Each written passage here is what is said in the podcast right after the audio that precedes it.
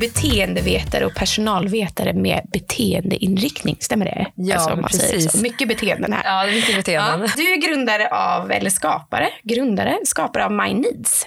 Det stämmer. Det stämmer. Så kul. Är du taggad Palle på att höra hennes resa? Det ska bli grymt spännande, Ja. tycker jag. Ja. Speciellt som vi har haft kontakt med en av era medarbetare tidigare. Ja, men precis. Men då ska vi ta det lite från början. Vi går tillbaka dramaturgiskt höll jag på att säga. Intresset började ju när du som 13-åring rymde hemifrån. Och eh, ja, det är jag väldigt nyfiken på. Men berätta om din forskningsresa och hur det kommer sig att du skapade och grundade My Needs. Ja, dessutom i karatedräkt. Karatedräkt ja, också? När jag var 13 år. Ja, ja. Jag hade fått nog. För jag, tyckte att min, jag förstod inte min familj helt Nej. enkelt. Och jag tror nog ganska många kan känna igen sig i det. Att ibland så, äh, även fast man är syskon, man har samma arv och samma uppfostran så har man helt olika syn på vad egentligen som händer i familjen och hur man upplever sin barndom. Absolut. Eh, Och det här är någonting som startar mitt intresse för liksom, varför gör vi som vi gör som människor. Att hur kommer det sig att mina syskon inte uppfattar vår relation på samma sätt som jag uppfattar det? Och på den resan var det att söka det här svaret då kring alltså, ja, människor och deras egentligen beteende. Så eh, jag började jobba inom socialtjänsten, jobbade i många år där med unga och eh, försökte få dem att komma tillbaka till samhället och tro på att de har en möjlighet att kunna också bidra till ett, ja, men till till ett samhälle och tro på att vara i en arbetssituation och så vidare. Sen så började jag läsa till personalvetare då, på universitetet för jag tänkte så att men hur kan man då göra det på ett strategiskt sätt? För jag var ju väldigt operativ när jag jobbade inom socialtjänsten och kände att det tog väldigt mycket tid och kraft från mig. Att hur kan man göra det här mer skalbart? Så, och då såg jag att eh, universitetet var ett väldigt bra sätt att eh, få den här kunskapen. Och eh, sen när jag kom ut i arbetslivet, började jobba som HR, så inser jag att de flesta problem är relationella kriminella att även om vi har strukturer och vi vet vad vi ska göra så är det ju ändå så att människor inte alltid gör det man säger. Och, och när jag börjar fråga ledare och så här, hur gör ni för att skapa förutsättningarna för engagemang? Och då var det så här väldigt diffusa svar. Allt från att ja, men medarbetarsamtal och vi jobbar lite grann med belöning och sådär och bonus och sådana delar. Jaha, hur funkar det då? Ja, ja, jag vet inte. Ja, men kanske bra ibland. Och det var inga riktiga svar. Nej kom ner på djupet. Och jag hade jobbat också väldigt mycket inom rekrytering och det här med testat olika tester och kände som, jaha, men sen då? Vad händer? Och så då vände jag mig till Google. Till Google. Den, ja, alltså, jag är helt chockad. Alltså, man blir helt chockad där. Alltså. Verkligen googlade du? Ja, jag googlade. och kom i kontakt då med den största motivationsforskningen och den mest aktuella motivationsforskningen idag som heter Self-Determination Theory och blev verkligen helt fascinerad. För många som jobbar inom just forskningsvärlden vet att ofta så har man väldigt oenade eller eh, synsätt på vad som är rätt och fel beroende på vilken skola och vilken teori och om man vilken fakultet. man utgår ifrån. Eller ja, vad man utgår ifrån. Och eh, här var de väldigt enade. Just för att de hade gjort väldigt stora empiriska studier runt om i världen och sett att det här är någonting som vi alla människor har gemensamt. Oavsett kultur, oavsett vart vi befinner oss, oavsett bransch. Och de hade testat det så otroligt, på så otroligt många ställen. Men då såg jag att de hade bara tittat på hur får vi välfungerande team. De hade inte tittat på den individuella aspekten. Hur får jag dig att tycka att det här är det mest fantastiska arbetet någonsin? Men till exempel. inte det någonting man brukar säga också, att man kan inte motivera andra? Nej, förutsättningar, skapa förutsättningar Ja, för. precis, skapa förutsättningar för att få den här inre motivationen. Exakt, och det var det vi fokuserade på, den där instructive motivation, alltså den inre motivationen. Inte det här externa motivationen, så här morot och piska, utan mer bara hur kan jag skapa förutsättningar för att jag själv ska hamna i flow, eller instructive motivation. När jag tänker på det här med lön, Mm. det är ju en motivationsfaktor.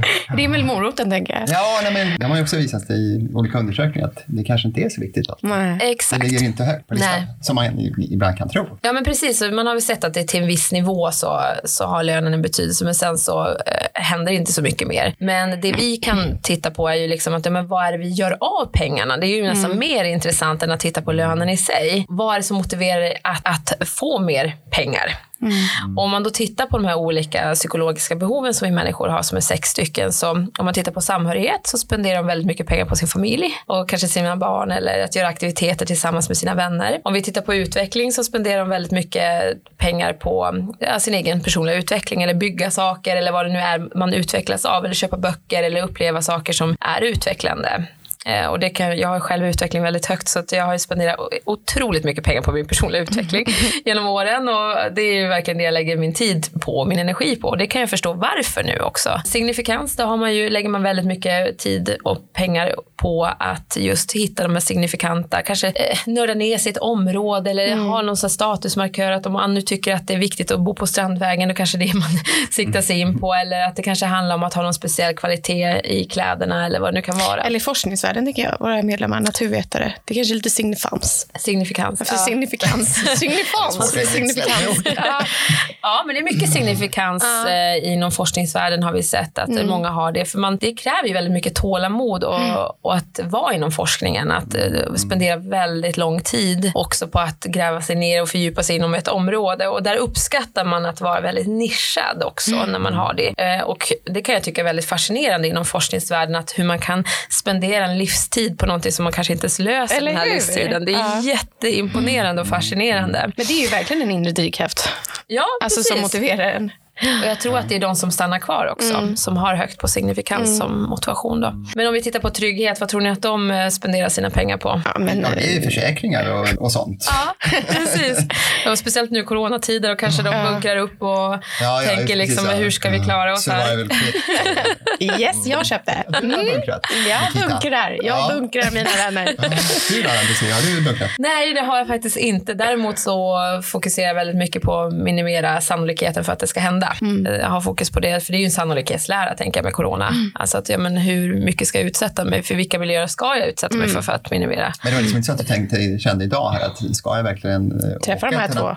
Precis. Man vet inte- Men man vet inte vad det är för några egentligen. Ja, men jag tänkte det är inte så stor risk för att vi är ju så få personer. Nej. Så, att- och jag undviker just nu kommunaltrafik och sådana saker. Men, men det, och då kan man ju titta lite djupare om man tittar på behoven. Ja, men vad beror det på då? Jo, för att jag känner att det här skulle vara direkt hämmande för min utveckling om jag skulle vara tvungen att låsa in mig i min lägenhet och inte träffa människor. För då kan inte jag jobba. Så jag har redan nu börjat överväga, men det kanske är fantastiskt att vara inlåst så här. Att, då kanske jag kan skriva klart min bok. så jag går in direkt i Du utveckling. ser, här. lite- du ser möjligheterna. Ja, jag försöker tänka så här att ja, men, det kommer nog mest troligt bli ett faktum att eh, de flesta kommer att bli drabbade på mer eller mindre.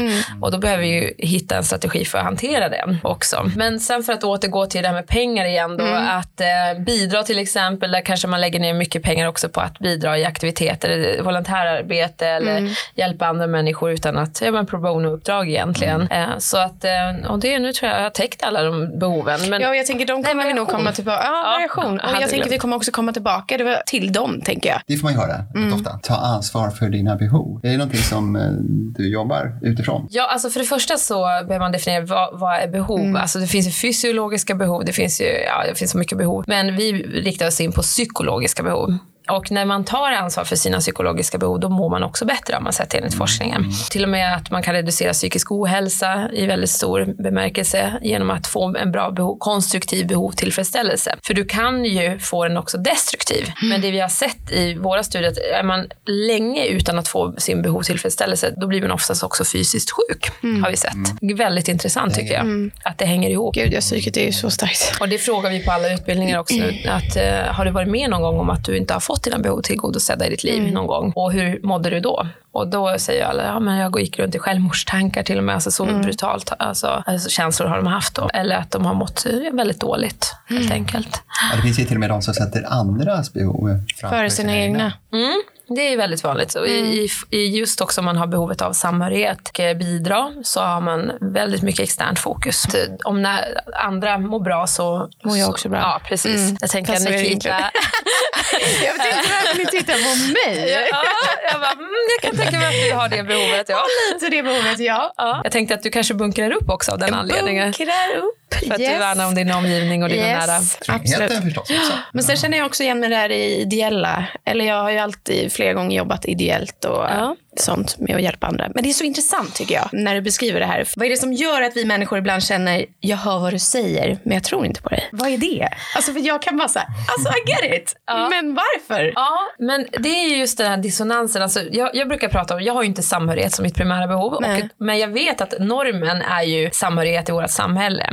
Så jag brukar säga att jag går in i artificiell samhörighet. Artificiell samhörighet. Ja. Alltså, Ja, där det ska, lägg på minnet. Ja, konstgjord samhörighet där jag förstår att okej den här middagen podcasten är så inte utvecklande och det är så tråkiga samtalsämnen. Men jag förstår att det är viktigt för alla andra och därför gör jag det. Men innan så förstod inte jag egentligen varför jag kände så utan då tänkte jag, är det något fel på mig eftersom jag tycker inte det här är tilltalande överhuvudtaget. Men nu när jag förstår att mina behov är inte detsamma som de andras, då kan jag liksom acceptera det på ett annat sätt också. Att bara okej, det här kommer jag inte tycka är stimulerande, men det är viktigt för de här personerna och det här behöver vi mötas för att vi ska kunna få en bra synergi och en bra relation. Så att eh, där. Mm. Kan det också handla om att man i sin yrkesroll känner sig så här, ja jag hör vad du säger men jag tror inte på dig. Eller alltså jag, kan ju, jag kan bara gå tillbaka till mig själv i liksom, när jag var nyexaminerad och började jobba och så mötte jag liksom den äldre generationen. Titta på dig Palle. Nej inte så men, men då var det ju väldigt mycket så här, men vi har alltid gjort på det här viset och så här ska det vara. Och då, åh gud, han liksom till och med cheerar på det här. Pratar inte ens om den här arbetsplatsen Palle. Men vad kul att vi ändå kände att vi är kvar där. Ja. Så. Eh, Och samtidigt också att vi eh, kompar ju väldigt bra ihop. ja precis, av den anledningen. Ja, jag tror det. Ja, men då var jag väldigt mycket så här när de skulle då lära mig och då var jag, med den nya forskningen som kom in i arbetslivet. Liksom. Jag hade den färskaste journalistutbildningen före dem. Eh, men de skulle lära mig den gamla skolan och då var det verkligen så här att jag hörde mig, själv tänka sig, jag hör vad du säger men fan jag köper inte alls. Nej. Och det blev nästan lite provocerande. Ja. För sen så var det ju också att jag skulle få dem att köpa vad jag sa. Det var ju något helt annat. Men, men det är intressant det där du säger. Ja, men det är också där när man inte har förståelse för varandras eh, perspektiv. Det är ju perspektivförflyttning vi verkligen har bristvara på här i världen. Att vi tror att det handlar om att behandla andra som man själv vill bli behandlad. Men då når vi ju 6% av befolkningen. Så sannolikheten är ganska stor att folk sitter och där nickar fast de håller inte med. Det handlar väldigt mycket om att vara, man ska vara lyhörd helt enkelt. Ja. Vilka behov har de här personerna i rummet?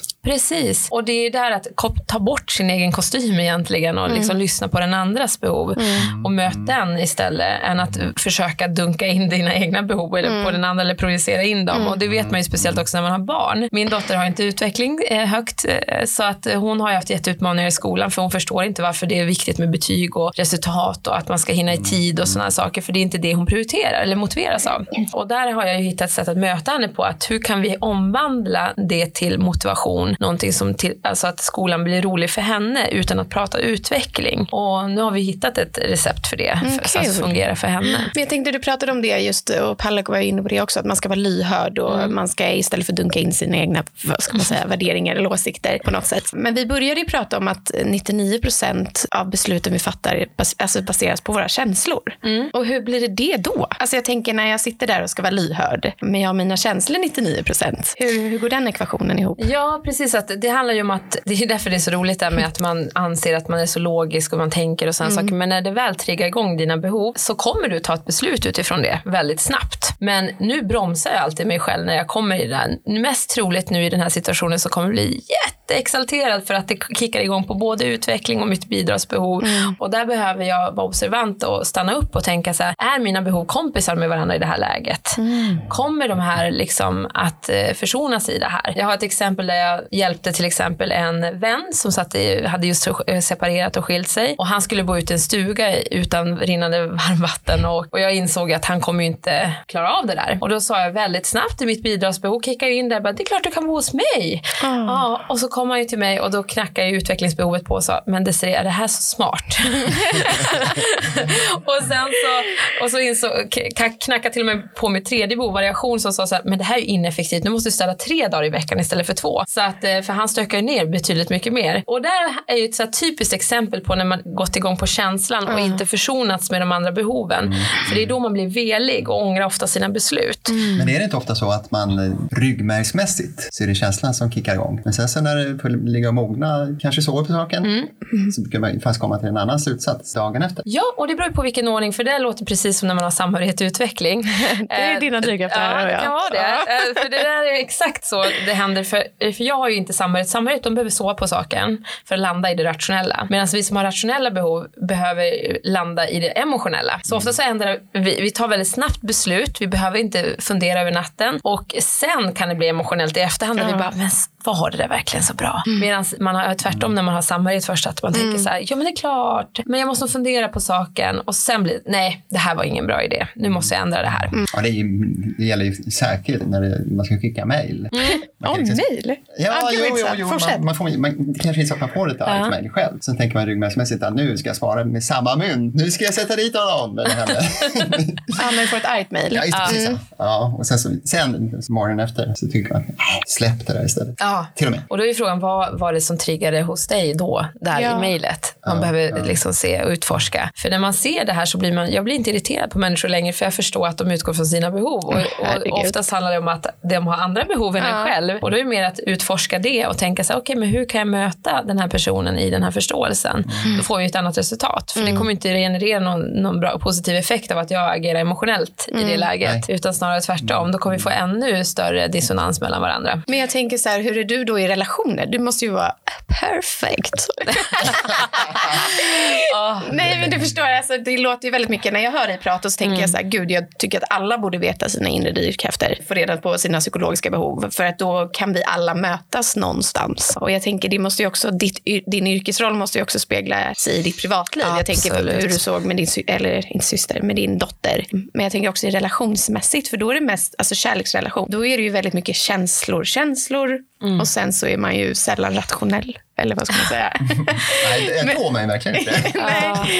Ja, ja, det, det jag gör fort är att utbilda personer i behoven Det så att det. jag behöver ta hela Ja, du är ansvaret. alltså en ny relation. Kan du komma hem till Ja. min sambo? Ja, men absolut.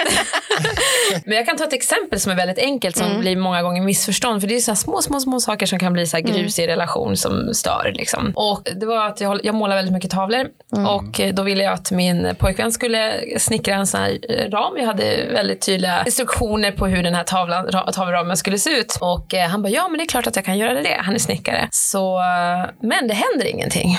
Och så kom jag på, just det, han har ju samhörighet och utveckling. Jag måste ju följa med han till Bauhaus och köpa de här virket. Och, och, och det, innan hade ju det här stört mig. För jag har ju väldigt individualistiska behov. Då går, jag gör det bara. Jag behöver inte någon annan. Det blir bara störande om någon är med mig. Alltså jag bara, okej då har jag virket här, då gör jag det här. Och så är det klart. Medan han behöver göra allting tillsammans. Mm.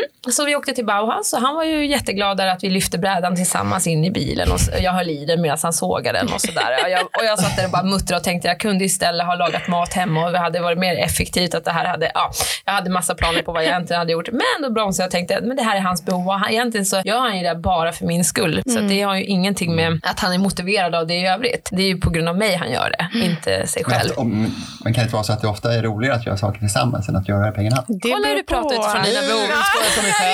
Absolut. Med jag börjar läsa av dig nu. Men å andra sidan faktiskt, jag sitter med i en valberedning. Ja. Och där var det så nu att övriga valberedningen tyckte en sak och jag tyckte en annan. Mm. Och där stod jag faktiskt på mig ända fram till mållinjen. Ja.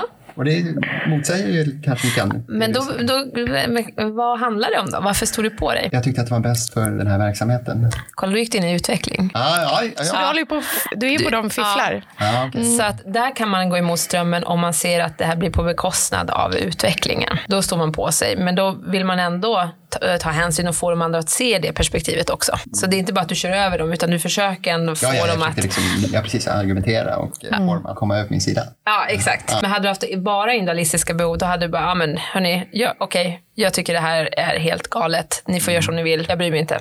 Alltså mer så. Drop och gått därifrån. Ja, Ja, Men här stannar du kvar och försöker ändå liksom få dem att se det här perspektivet, att det är det bästa för verksamheten eller vad det nu kan vara. Och då tar du hänsyn till både din eh, utveckling och samhörighet. Men gud vad intressant, för du sitter ju verkligen nu och analyserar Palle. Alltså, det måste ju också vara, vart du än går, analyserar du folk då? Tänker du så här, blir- gud, jag förstår, det måste vara en Ja. arbetsskada på något sätt. Ja, men alltså det blir så automatiskt att jag har ju, behoven pratar hela tiden. När jag kollar på nyheterna jag hör behoven prata. Speciellt politiska debatter. Jag tänker, oj, oj, oj, det handlar ju mest om vilken, vilka vänder man sig till, vilka kickar igång på det här. Om vi tittar, vi gjorde en liten så kort studie där vi testade att när man läser en bok så väljer man ju det som har tilltalat en någonstans. Och vi kan ju också se att de här behoven har en stark koppling också till de, våra hormoner. Att man har olika grader av eh, behov av hormoner också som till exempel oxytocin, samhörighet, att de har mer behov av närhet och sådana saker, relationer nära. Och så har vissa mer högre av adrenalin till exempel. Och det kopplas till de här olika. Det här jag håller mig på att utforska nu inom forskning med neuroscience science kopplat till det här då, self-determination theory. Då. Att man ser att det har något med hjärnan att göra. Och då så... Är det någonting man kan påverka? Eh, påverka? Ja. Behoven tänker du? Nej, jag tänker på, du pratade om hormonen. Mm. Det, jag kan inte direkt uttala mig, det är så färskt det här området mm. så att ja. Eh, där avstår jag faktiskt att eh, gå in djupare i det. Mm. Men jag har känt att det här har varit logiskt i många år men, och pratat utifrån det att det borde ha ett samband. Men vi har ju inte verifierat det sambandet utan det kom nu upp i senaste forskningskonferensen. Ja, men skulle det kunna innebära att om man liksom inte är nöjd med sina behov, mm. säga, ta lite hormontabletter. Ja, precis. Ta lite hormoner. men jag frågade ifall du går omkring och analyserar ja. människor. Det sitter i ryggmärgen nu för tiden ja. mer att jag bara okej, okay, ja, men de mm. så här. Och det, det som hände då med min pojkvän var då att när han väl började snickra den här dagen, det tog också tid, för då var jag tvungen att sitta bredvid honom och jag på autopilot går ju till köket och tänker nu styr jag upp middagen. Det är mycket effektivt på han snickrar ramen. Mm. Men då satt han där bara och gjorde ingenting. Jag tänkte, men, och där hade jag ju dömt han för att vara lat om inte jag hade förstått mm. att han har samhörighet. Gud, så många som latar. Så då gick jag tillbaka och sa okej okay, jag förstår att du har samhörighet så nu sitter jag här med dig men egentligen så vill jag gå och laga mat men då skulle du inte vara motiverad av att göra den här ramen och jag vill ha den klart idag. och då sa han så här, det har du helt rätt i, då hade jag känt mig utnyttjad. Medan ah. jag hade känt så här, gud vad effektivt, vi är teamwork, vi gör olika saker på olika platser. Måste vi hela tiden hålla ihop i allting mm. vi gör och göra allting tillsammans? Mm. Det irriterar mig. Medan i hans läge är det tvärtom. Mm. Och det handlar ju om att mötas snarare mm. än att det handlar om att analysera utan snarare förstå och bli medveten om det. Men jag tänker så här, om man ska se till en arbetssituation. Mm. Ja, men låt oss säga att man är ett 50-tal arbetare, arbetare eh, som medarbetare. Arbetar, medarbetare, mycket arbetare här nu, ja.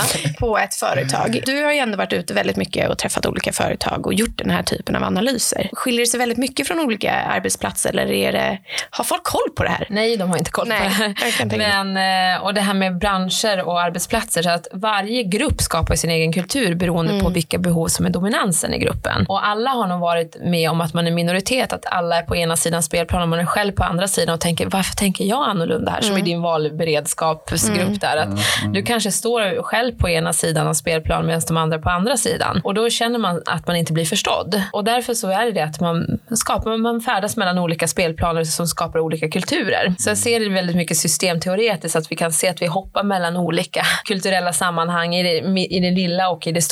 I Sverige har vi som kulturell norm i samhörighet och utveckling. Det är det mest dominerande behovet i Sverige mm. som vi kan se. Och jag är ju minoritetsgrupp så det vart ju väldigt tydligt för mig när jag rymde hemifrån och kom till Sverige att eh, oj, här är jag annorlunda. Och du, alltså du rymde från Finland till Sverige? Ja, jag bodde i Tornedalen, gränserna. Gud. Ja. Och där blev det verkligen kulturkrock för mig att komma in till Sverige. Där, äh, det var väldigt så här, tyst kultur, att man säger inte vad man tycker. Och, så sen så, och jag då som har bidragutveckling, jag kan ju inte vara tyst. Jag blir den här whistleblowern som bara, mm. men det här är ju inte, det här är inte rätt. Vi måste göra en förändring Gud, jag här. Det. Och jag tror du har samhörighet bidra. ja, det har jag ju redan analyserat dig. Samhörighet bidra. att, och, och, där blir det ju ofta så, så kanske det ställer till det också. Mm. För att man är den här enda som kanske säger vad alla egentligen tycker men ingen står bakom en i det. Nej. Och det ställer ju till det. Men samtidigt så för, för mig motiveras jag ju av att skapa en förändring. Mm. För jag tänker att kan man inte man prata om det då kommer vi inte få möjligheten att skapa någonting som är positivt gynnsamt för alla. Och de här insikterna de använder du i, när du ger rådgivning och hjälper företag, arbetsgivare. Är det framförallt ledarskap eller hela arbetsplatser? Ja, både och. Alltså ja. vi har jobbat, vi börjar oftast med koncernledningen, ledningsgruppen eller beroende på vad det är för organisation. Då. Och sen så implementerar vi det i, i hela organisationen oftast. Mm. Vilka brukar problemen vara? Ja, alltså det handlar mer, det kan vara både operativa problem och strategiska problem. Eller Ibland kan det också vara att de bara vill få lite teambuilding och förstå varandra bättre och skapa tillit ganska snabbt. Men eh, det handlar väldigt snabbt om att kunna vara också agil i den här snabbföränderliga världen. Att, att väldigt snabbt sätta sig in i vad behöver våra medarbetare för att de ska kunna ta det här beslutet och agera på det. Att skapa förutsättningar för engagemang egentligen. Eh, för det är ju det som många brottas med. Att hur mm. kommer det sig att vi tar det här beslutet men ingenting händer? Det når inte hela vägen mm. fram. Mm. Så att där är det oftast det. Och hur ska man få människor att må bra för att de ska vilja prestera? Det är att se, att ta sitt eget ansvar kring sina behov egentligen. Mm. Att utbilda dem och i den här förståelsen. Och sen också så här, att då kan man lyfta det här som, som en chef då till exempel. Att det svåraste är ju till någon att ta upp så här känsliga frågor. Att mm. säga att, men vet du vad, jag tycker att du är lat Palle. Och, och, Palle, jag tycker du är lat. Att, att jag, jag, tycker att du är lat, men vad grundar jag det på då? Och där har man ju oftast inte någonting. Man säger, "Ja, jag tycker att det borde ha skett i det här tempot eller jag kanske måste kravställa dig på något vis. Men om jag istället tittar så här, okej men du har ju de här behoven och hur mycket får du behov tillfredsställa i den här situationen? Jag utgår från att du vill göra ett bra jobb men du kanske inte har förutsättningarna just nu. Och då behöver jag möta det på något sätt i att jag ser dig. Därför då blir du ju sedd i det att ja, jag jobbar själv nu i sex månader, alla mina kollegor är på något annat ställe. Det kanske inte är så kul när man har samhörighet. Och då kan vi mötas. Jag förstår att det här kan vara en utmaning för dig att Men det är jobba att man själv. ska vara så rak i dialogen. Det, det är liksom lättare när man har någonting att utgå ifrån. Att säga att det handlar om, om behovstillfredsställelsen än dig som person. Precis. Det är ju För då blir det skillnad. personangrepp. Alltså, Nej. då blir det lätt, då blir det mindre konflikter tänker Ja. jag. För om jag sätter mig mitt emot dig Palle och så vet jag dina behov och du vet mina behov. Då kommer vi tala på ett annorlunda sätt till Ja. varandra. Istället för att jag triggas igång av din, vad ska vi säga, du, du tog exemplet lathet. Då triggas jag igång av det för att jag är en doer. Men istället om jag vet att, att så här, du är inte lat för det är inte du som person. Men dina behov är så här och då möts man ju på ett annorlunda sätt. Alltså jag känner bara så här, gud alla människor behöver det här. Eller alla ledare behöver det här. Ja, nej, men jag kan ju mycket väl tänka mig att det är bredare än så. Ja. Det här borde man ju prata om på arbetsplatsen. Eller skolan. Mm. Min dotter har ju skrivit en bok eh, som Ja. är tio år om det här mot, för barn förstår det här. Men det är någonstans där när vi blir vuxna så sätter vi på de här lager av värderingar och allt det här som gör att vi kommer ifrån den här core-delen.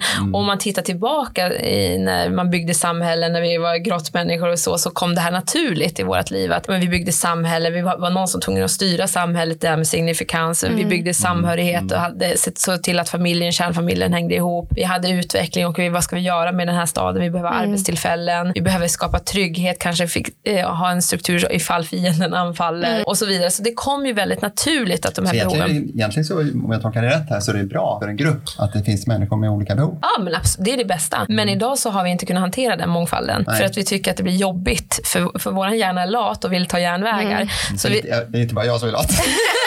nej, det var bara ett exempel. Så att eh, vi, hjärnan är väldigt lat och vi vill ta genvägar. Så det är lättare att umgås med människor som är, är, har samma behov som en själv. Men det gör ju det att det hämmar vår utveckling. Ja, för nu kommer vi in lite på det, vad du kallar självorganisering. Mm. Det finns ju något som kallas groupthink om ni är bekant med det. Det är till exempel det här med gris, eh, invasionen i grisbukten. Ja, jag får alltid tänka. 1959. Exakt, det var ju så här. skymning Palle. Ja. Historia. Årtal, so Eller. Jim Jones, han som tog massjälvmordet, fick människor, Ja. att flera tusentals människor att ta livet av sig och sina barn. Att det är ju groupthink, alltså när folk inte vågar ifrågasätta tanken. Det är Alltså som för att visselblåsare helt enkelt. Ja, Men Margarinaffären har vi. Ja men precis att, att man, vi tycker lika och därför är ingen annan åsikt välkommen. Så därför kommer vi ta det här beslutet och ingen vågar ifrågasätta för att normen är så stark. Och det är därför man har pratat mycket om mångfald för att man ska kunna få in andra perspektiv. Men då undrar jag, vad är mångfald? Juridiskt är ju mångfald det är ju kopplat till ålder, kön, etnicitet, religi- religion och så vidare. Men det betyder inte att de, alla de här personerna med olika etnicitet och eh, härkomster och så vidare inte har samma behov. Att börja istället diskutera diversity of thoughts. Hur välkomnar vi andra åsikter? För det är det som kommer spegla också samhället. För att alla har ju inte bara ett behov, vi har flera behov. Och ju mer vi kan enas i en grupp med olika behov, desto mer kommer vi också kunna öka vår lönsamhet ut mot marknaden. Så att ehm, det finns många vinster med att ta hänsyn till det. Men för att vi ska kunna arbeta mångfaldigt behöver vi också ha eh, kompetensen inom det. Att hur hanterar vi det här? Och det jag brukar argumentera i ledningsgrupper och säga så här, ja men nu har ni alla här samma behov och vi ser en väldigt stark norm av individualistiska ledningsgrupper, att man har väldigt lite kollektivistiska behov, alltså samhörighet i ledningsgrupper. Och så sen tar man beslut och uppfattar att alla- ska göra det här. Och så sen händer inget tycker de. Men det är för att de har inte inkluderat samhörighet. Att alla varit med i resan många gånger. Och då brukar jag säga att alla de här uppgifterna som ni tycker är tråkiga, det tycker alla är tråkiga. Tänk om ni hade personer på andra sidan spelplan, då hade de tyckt att det var den roligaste uppgiften i gruppen. Och då hade ni kompletterat varandra med era styrkor istället. Så sammansättningen i en ledningsgrupp är extremt viktig då, låter det som. Och det, det, Mm. Ja. det är ganska, jag tycker man ser det rätt ofta. Chefen, den högsta chefen, samlar likasinnade omkring sig. Självorganisering. På samma sätt. Självorganisering istället för självsynkronisering. För det handlar ju om att men vill du få genomslag i organisationen väldigt bra att du har en stor mångfald uppe på toppen om det nu är en hierarkisk organisation. Det finns ju olika organisationsformer för att spegla alla. Kan det till och med finnas anledning att eh, ut folk, växla människor som sitter i ledningsgrupper? Ja, det är absolut. Det är alltid bra med att växla så att man inte fastnar i, i det. Men samtidigt så handlar det ju också om att det är ju en utmaning att hitta rätt kompetens. Och, och samtidigt så har vi ofta stirrat oss blind på kompetens. Eh, Men det är inte bara det som räknas. Så här har vi också öppnat upp för möjligheten att tänka annorlunda i de organisationer vi jobbar mot. Att innan så var det kanske bara män i en ledningsgrupp och så började de tänka så här, men det kanske inte är kompetensen vi ska enbart gå på. Vi kan ge den här kvinnan en chans för att hon har ett behov som kompletterar vår ledningsgrupp. Eller kompetens. Mm, och kompetens i det här. Ja, men, kan absolut. det, men det kan ju också vara så att kvinna, bara för att man är kvinna, behöver man inte annan kompetens eller andra Nej. behov. Det kan ju vara likadant. Ja, absolut. Likadan. Jag var Nej, men att det öppnar upp för fler perspektiv. Alltså att det, nu Ja. var det här bara ett, ett exempel. Att, att de kanske, till exempel, att det har ju varit en utmaning att ha fler kvinnor i ledningsgrupperna. Att, att för att kvinnorna oftast inte har gjort samma resa historiskt över tid. Om vi tittar på mångfaldsaspekten så handlar det om att man inte har tillåtit många kvinnor att komma upp i ledningsgrupperna. precis. att här möjliggör det också att fler får chansen som kanske inte hade fått, eller yngre personer också, att komma in som tidigare inte hade fått chansen för att man tittar på andra aspekter än bara kompetens. som din fråga Palle, ifall man kan växla lite i ledningsgrupper. Men jag tänker också om alla skulle kunna göra den här behovsanalysen eller sånt, då hade det varit lättare att styra och eh, jag brukar alltid säga råttorna där nere. Katten sitter på sitt bord och råttorna springer nedanför. Då är det lättare för alla alltså, inblandade, tänker jag. Alltså, det skulle vara hur underbart som helst att bara ha en chef som sitter mot, alltså, mitt emot en och vet mina behov. Vet, Ja. Herregud, varför har inte alla det här? Tänker jag. Och varför pratar man inte mer om det? Eller hur? Ja, det var också min första frågeställning när jag kom i kontakt med det här. Att eh, d- mitt mission är ju nu att det här ska, den här kunskapen ska vi sprida så mycket vi bara kan. Så att fler och fler blir medvetna och kan ta ansvar för sig själv. För det påverkar ju familjerna också. Relationerna hemma Gud, med ja. sina barn och allt det här. Så att om min dotter, hon har ju förstått i skolan också med mobbing. Varför det blir mobbing. Hon bara, nu förstår jag. Liksom. Jag står alltid mellan mina vänner för att de har ju olika behov. Och så har vi min kompis som har signifikans. Hon vill ju alltid stå i centrum och vara så himla cool. Och jag, för mig spelar det ingen roll. Hon får väl vara det då. Och nu låter jag henne vara det ännu mer för jag förstår att hon har det behovet. För försöker jag ta ifrån henne det och säga att hon ska dämpa sig, det kommer bara bli värre för då kommer inte hon må bra. Och jag vill ju att hon ska må bra. Att istället kunna mötas där. Nej, men jag tänker på i parförhållanden där kanske båda två har den här signifikansen och båda vill stå i centrum kanske. Hur stor är chansen att lyckas? Alla kan med alla olika utmaningar kan jag väl säga. Och det är som du säger, signifikans brukar ha, ha utmaningar att vara tillsammans med någon som har signifikans som behov. Då. Eh, Men vissa kombinationer fungerar väldigt bra ihop och andra har ju, men alla kan hitta Ja. det, bara man förstår varandra bättre. Så jag tror också att det är lite alla har en utmaning. Jag brukar säga, jag är väldigt utåt, alltså extrovert, alltså lite för spontan för mitt eget bästa. Men också är jag aldrig tyst. Alltså är det orättvisor då slåss jag för dem. Ja. Liksom. Och då står jag där. Medan min sambo, han är ju liksom filbunken brukar jag kalla honom. Och jag brukar säga, jag kan inte ha en som är precis som mig. För att då skulle vi sitta på någon liten flotte i Bali och bara shit, har alla pengar tagit slut? Varför åkte vi hit? Vet. Och också jag skulle ju bli provocerad. Medan han är ju så här, det är ju, han får ju mig att lugnas ner. Det är som jag tvingar in honom att bli spontan och att det är inte så farligt att liksom vi- synas eller prata eller säga sin sak. Men det kan också vara jäkligt frustrerande för mig och hos honom tror jag. Men det, ja, precis. Och det är ju, många har ju den här växeldragningen. Får man ihop det blir väldigt bra, men när det väl kraschar så kraschar det ordentligt. så att det, är ju, det finns ju fördelar och nackdelar med alla kombinationer och hur man eh, förhåller sig till det. Men det vi har sett är att oftast så får vi kritik för de behov som vi har lägst i våran. Alla har ju de här sex behoven, men de i olika grader. Och det är de två primära som är mest betydande för oss. För vi filtrerar det som glasögon. Liksom. Det är det vi reagerar först på. Men de lägsta är oftast det som vi får kritik för att vi inte har då struktur eller ordning. att du är för Ja, spontan. det menas att vi lider brist på dem. Ja, och om man inte jobbar med sin personliga utveckling så blir det ju verkligen en bristvara. Liksom. Att Det är där om man jobbar mycket med sig själv så behöver man inte få det av någon annan. Och där märker vi också i relationer att man söker sig oftast till personer som har de lägsta behoven. Så att vi har ju där olika och det kan antingen komplettera varandra eller så kan det bli också åt andra Något hållet. sätt. Ja. Ja. Gud vad intressant. Vi ska göra någonting nu som heter eh, tre snabba, tre antingen eller. Okej.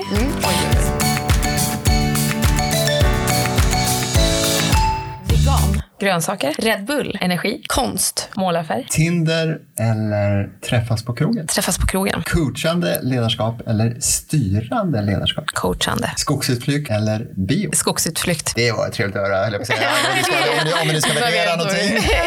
Du pratar ju om sex grundläggande behov. Vilka är de? Ja, vi har ju då brutit loss det här från eh, self-determination theory som då innefattar kompetens, tillhörighet och autonomi. Och när vi tittar på tillhörighet så innefattar det när vi intervjuar människor då eh, samhörighet, den interna, de valda relationerna. Och de är väldigt kompetenta på att läsa av mellan raderna, se vad som är viktigt för andra människor, få de här tillställningarna att man hänger, håller ihop helt enkelt. Sen har vi mot polariteten till samhörighet i de externa relationerna, alltså samhället, världen. Vad gör vi för skillnad för andra? Så de är väldigt duktiga på att zooma ut i en situation istället för att zooma in i den nära relationen, att man också tittar externt. Om alla gör så här, vad kommer det på, hur kommer det påverka oss, vår mänsklighet till exempel? När vi tittar på kompetens så intervjuade vi människor och så såg vi att eh, det handlar om generalist och specialist som polaritet. Generalister det är de som har utveckling som behov. Man tycker om att lära sig li lite av varje.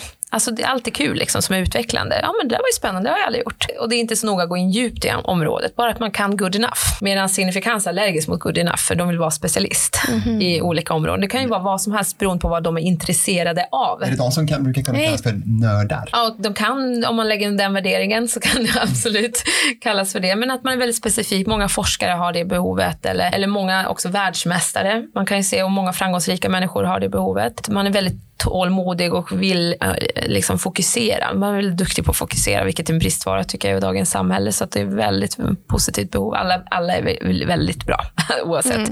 Det handlar mer om hur man förhåller sig till det. Så där i utveckling har man ju som kompetens då att eh, lära sig sätta mål och det är de enda som egentligen går igång på att sätta mål och i signifikans är de enda som egentligen går igång på att se det unika för man alltid jämför sig. Hur kan jag sticka ut? Hur kan vi sticka ut som bolag? Vad är det som gör oss unika? Och hur kan vi bli det? Liksom kvalitet och sådana saker.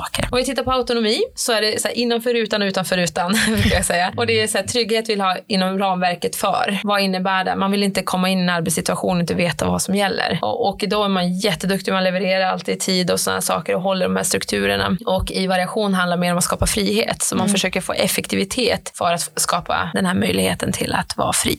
Så man, om man är i den, i den andra så blir man hämmad om det blir för styrt. Ja, precis. Och det är Medan en vill ha liksom schemat klart, du vill veta arbetsuppgifterna, det är 8 till 5 och sen hej då. Ja, Medan den andra, mm. Och det är så, eh, jag har ett exempel med, eh, för att förklara det här, hur det sker, alltså hur man kan höra de här, det här i dialogerna. Det var en kvinna som kom sent till en föreläsning och så hade hon tappat sin mobiltelefon på perrongen och så hade någon råkat trampa på den och sett där till och med, men gått därifrån. Så hon var ju jätteupprörd och kom ju sent på min föreläsning. Så jag lät henne ta det här utrymmet och tala om det här. Då. Och alla blev upprörda och de tyckte att de var upprörda över samma sak. Och det här är det vanligaste missförståndet i våra samhälle, att vi antar att bara för att alla är upprörda så är vi upprörda av samma fenomen. Och då hör jag den ena säga så här, men herregud, hade du telefonen utanför fickan? Alltså att du måste ju ha den instoppad ordentligt liksom här så att du, du är säker. Trygghet och utveckling. Bara, men går den att laga?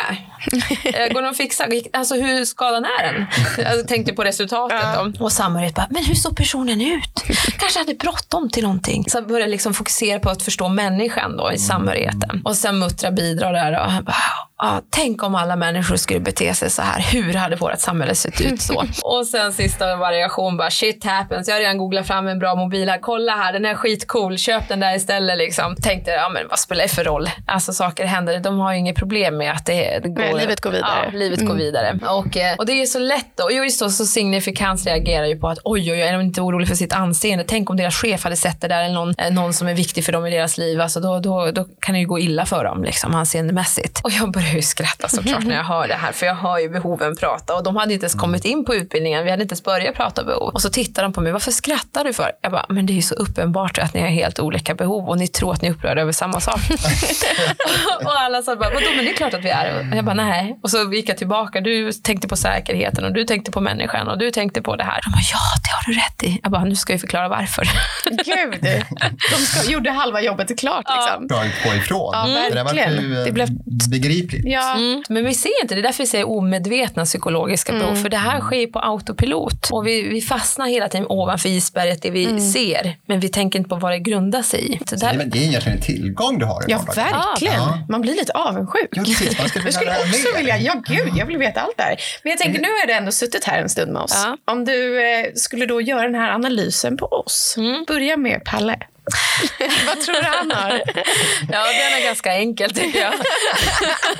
Utveckling, samhörighet och sen väldigt högt på variation också där under ytan. Att det ska, du har svårt att sitta still har jag märkt. Oh, Eh, ja. att, eh, Oh my så det, God. det är verkligen det spontana, det här att det händer nya saker, upptäcka nya saker finns också där i botten som triggar lite att få den här effekten. Så där vågar du också ibland vara, jag tänker utifrån det exemplet som du sa där, att du vågar ändå gå mot strömmen. Och det är när man är, har variation också där under ytan som pockar på att eh, våga ta konfrontationerna på ett sätt när man känner att det, det här är inte utvecklande, det här kommer inte ge någon effekt för gruppen och så vidare. och så vidare. Då kan man gå in och säga, okej nu räcker det. Och samtidigt så att du är nyfiken och spontan. Och, Och du, och du, man kan säga så här, då. jag, menar, jag måste förstås ge lite feedback på det. Mm. Och jag kan säga att du, du träffar ju helt rätt.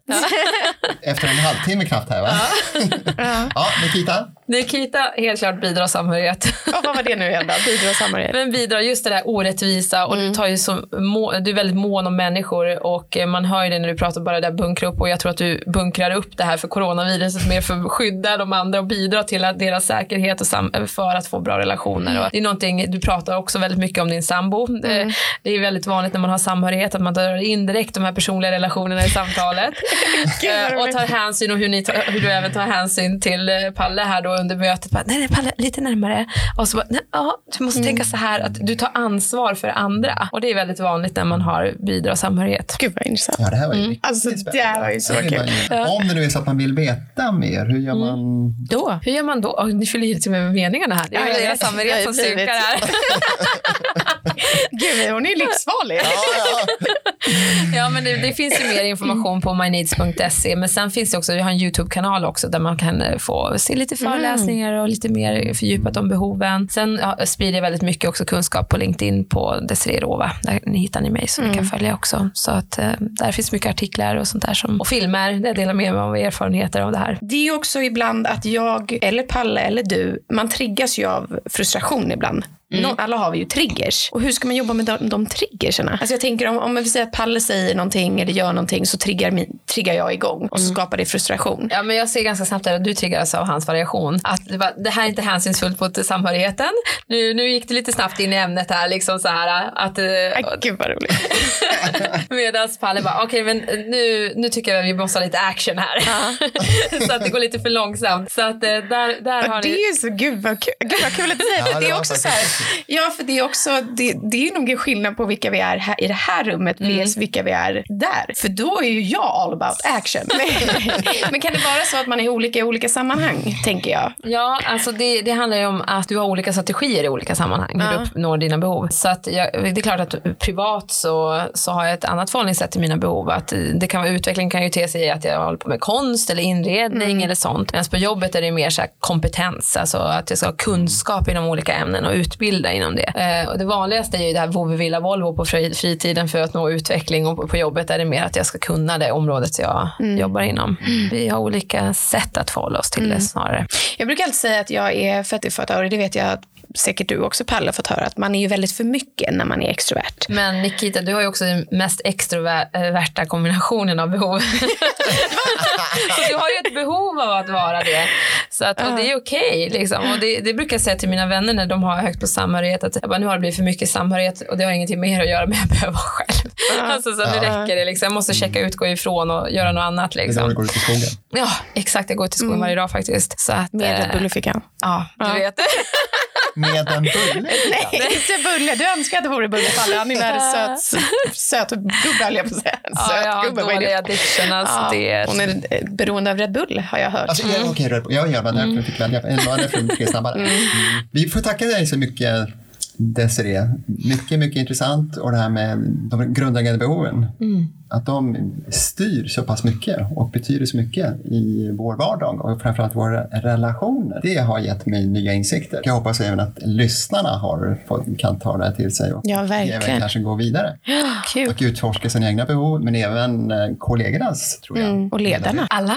Alla. Ja. Hela samhället. Världen. Ja, exakt. Och du är otroligt driven och väldigt inspirerande person måste jag säga. Ja, Eh, jag tror du har eh, knockat oss båda med allting du har Ja, sagt idag. faktiskt, faktiskt. Det är nästan som man skulle, hade inte vetat vilken grund det stod på. För Ja. mycket av det här vilar ju på forskning. Mm. Grundas på det. Så att man nästan sagt, vad är det för en häxa? Ah, kunde- yeah. Kan jag vet att svart hår, gröna ögon föddes fredagen den 13. Nej. Herregud, jag tycker vi ska ta in en spirituell ådra i den här podden. Men det pallar inte riktigt med på det. Men snart kommer vi. Tack snälla för att du kom hit och gjorde vår dag. Tack själv.